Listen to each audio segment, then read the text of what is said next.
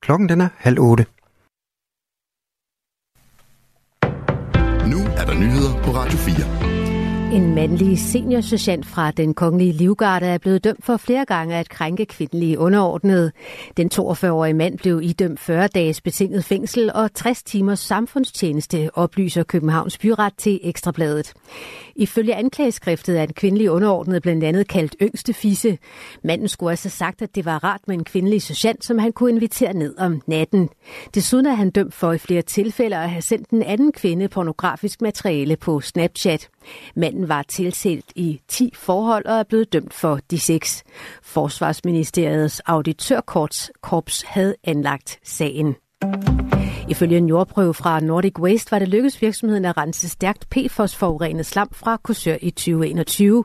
Men nu viser det sig, at jordprøven slet ikke stammer fra den forurenede jord fra Korsør. Det erkender virksomhedens miljødirektør Christian Brun Nielsen i en mail til Randers Kommune. Det kan vi nu fortælle her på Radio 4. Radio 4 er i besiddelse af mailen til Randers Kommune fra Nordic Waste, og her skriver virksomheden også, at den PFOS-forurenede slam blev indkapslet i beton på alle sider. Nordic Waste havde ellers forklaret, at man ønskede at rense slammet for PFOS, men det skete altså ikke, viser mailen. Af korrespondancen fremgår det også, at Randers Kommune i januar 2023 vurderede, at der var tale om et potentielt ulovligt forhold. Men i dag ser kommunen anderledes på sagen, fordi Nordic Waste siger, at den forurenede jord er indkapslet i beton og derfor ikke længere udgør en forureningsrisiko. På grundlag af redegørelsen vurderede forvaltningen derfor ikke, at der var basis for yderligere håndhævelse, oplyser Randers Kommune i et skriftligt svar til Radio 4. Randers Kommune skriver til Radio 4, at de formoder, at betonkarret med PFOS'en er begravet under det kraftige jordskred, der ramte Nordic Waste i december. Nordic Waste har ingen kommentar til sagen, skriver de en mail til Radio 4. Som vi netop har kunne fortælle, så har Nordic Waste ikke renset den PFOS-forurenede jord og slam, de har modtaget fra Korsør. I stedet formoder Randers Kommune, at slammet er blevet indkapslet i beton og ligger under den kraftige, det kraftige jordskred, der ramte Nordic Waste i december.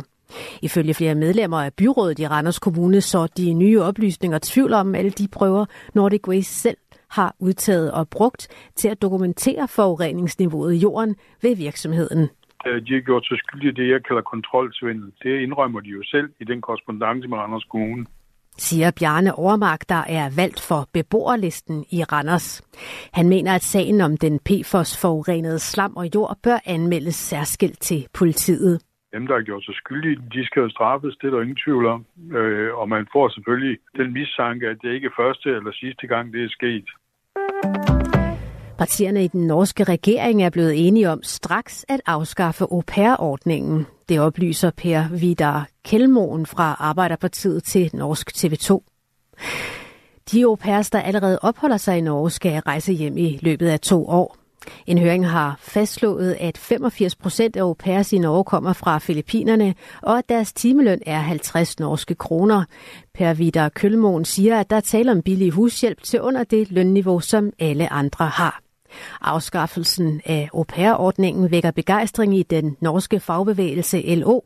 De har arbejdet på at få au pair-ordningen væk i 12 år, skriver Norsk TV2. Og vejret i aften og i nat overskyet og diset eller tåget vejr med lidt regn rundt omkring. Temperaturer mellem 4 og 8 grader. Svag til let vind fra sydøst og øst.